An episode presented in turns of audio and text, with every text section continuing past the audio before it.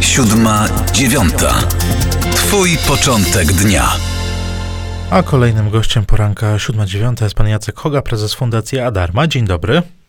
Dzień dobry panu, dzień dobry państwu. Porozmawiamy o pana najnowszej książce Do broni, która ukazała się nakładem wydawnictwa e, Freedom. Zachęcamy wszystkich słuchaczy do lektury. Książka niezwykle ciekawa, niezwykle ważna, też zwłaszcza wobec tego, co dzieje się na wschodzie. Książka co prawda pisana przed rosyjską agresją na Ukrainę, aczkolwiek mam wrażenie, że tym bardziej jest aktualna. I moje pytanie, może niejako odwracając kolejność, to zaczynając od końca, czy pana zdaniem ta obecna sytuacja na Ukrainie, wojna i rosyjska inwazja, która też pokazała pewne rzeczy, także jeśli chodzi o armię, o zdolności obronne, także państwa i społeczeństwa, może Pana zdaniem przynieść jakieś pozytywne zmiany w polskim prawodawstwie, w polskim społeczeństwie, no i przede wszystkim w myśleniu polityków, jeśli chodzi o kwestie raz wojska i o modernizację armii, dwa dostępu do broni dla obywateli?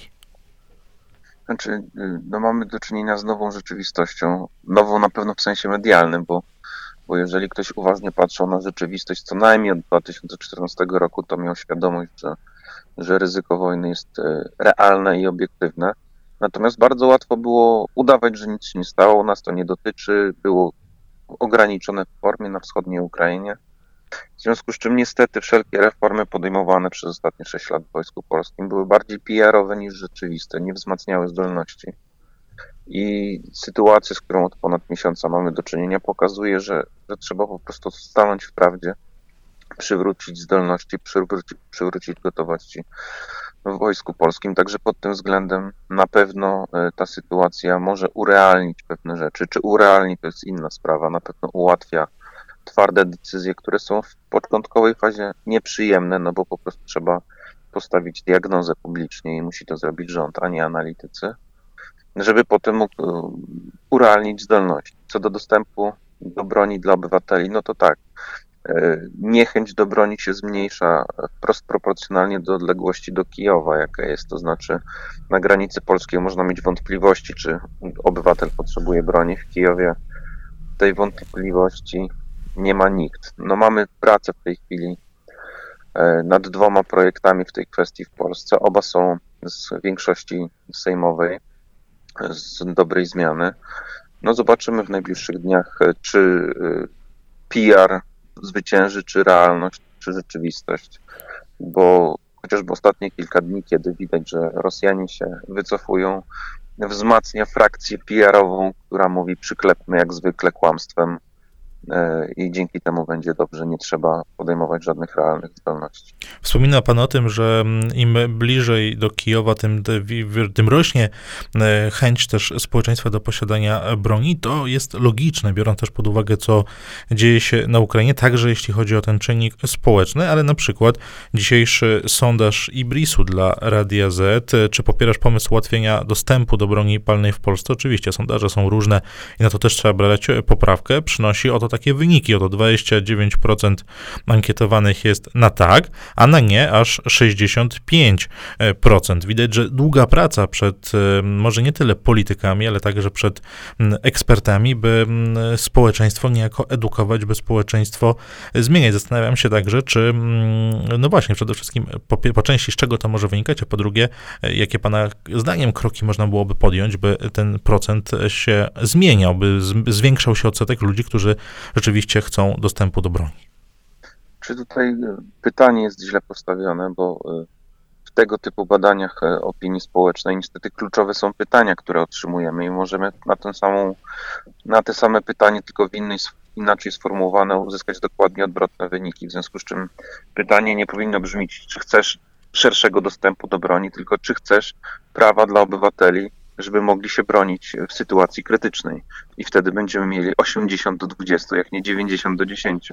To prawda, to, to, to, to doskonale wiemy, że, że, że pytania są kluczowe, ale panie prezesie, by nie zatrzymywać się akurat na tym, bo chciałem jeszcze nawiązać do mhm. pana książki. Wspomniał pan o tym, że te sytuacje kryzysowe to jest też zawsze prawdą, e, pozwalają urealnić pewne rzeczy. Jakie pana zdaniem kroki powinni podjąć rządzący, tak by nie były one PR-em, ale realną zmianą? Czego pana Pana zdaniem e, brakuje, co powinno Pana zdaniem zostać zrobione? Z perspektywy y, obywateli, dostępu obywateli do broni, dwie rzeczy są kluczowe i powinny być takim probierzem tego, czy zmiana jest prawidłowa, czy nie. Po pierwsze, na ile e, dostęp jest niereglamentowany, a po drugie, na ile dostęp jest nierejestrowany, bo tylko broń, która jest nierejestrowana przez e, administrację państwową i broń, która jest bez pozwoleń, jest bronią, która może się przydać obywatelom w czasie kryzysu, w czasie wojny do obrony przed zwykłym bandytyzmem. Mieliśmy na Ukrainie sytuację, kiedy Rosjanie brali listy posiadaczy broni legalnych i używały ich przeciwko obywatelom. Nie możemy dopuścić, żeby coś takiego miało miejsce w Polsce.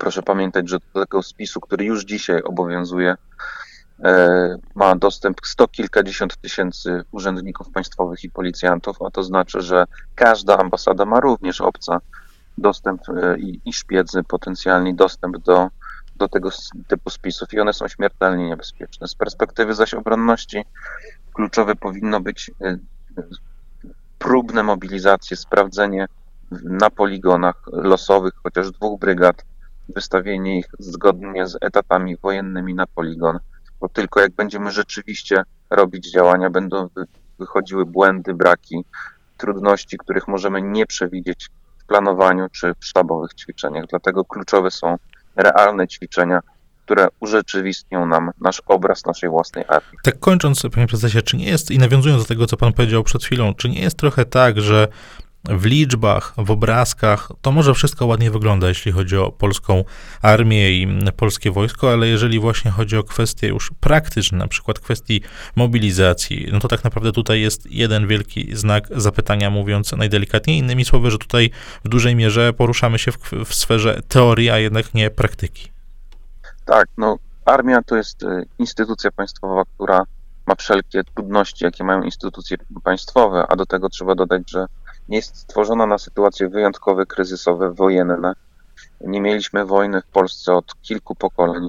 Armia polska od 30 lat, od upadku komunizmu, nie ćwiczyła realnie. Proszę sobie wyobrazić urząd skarbowy, który przez 30 lat nie widział prawie wcale petentów. E, mając petentów, ma duże kłopoty z obsługą rzeczywistości, a co dopiero jakby przez 30 lat tylko ćwiczyli i analizowali, jak to będzie, kiedy będą mieli petentów. Taki obraz powinniśmy mieć w pamięci jak myślimy o armii polskiej i wojnie pełnoskalowej. I tu postawmy kropkę. Moim i Państwa gościem, gościem poranka siódma e, był pan Jacek Hoga, prezes Fundacji Adarma i autor książki Do broni, która okazała się właśnie nakładem Freedom. My zachęcamy do lektury wszystkich słuchaczy. Poranek 7-9 ma patronat nad książką. Panie prezesie, bardzo dziękuję za rozmowę. Dziękuję. Siódma, dziewiąta. Twój początek dnia.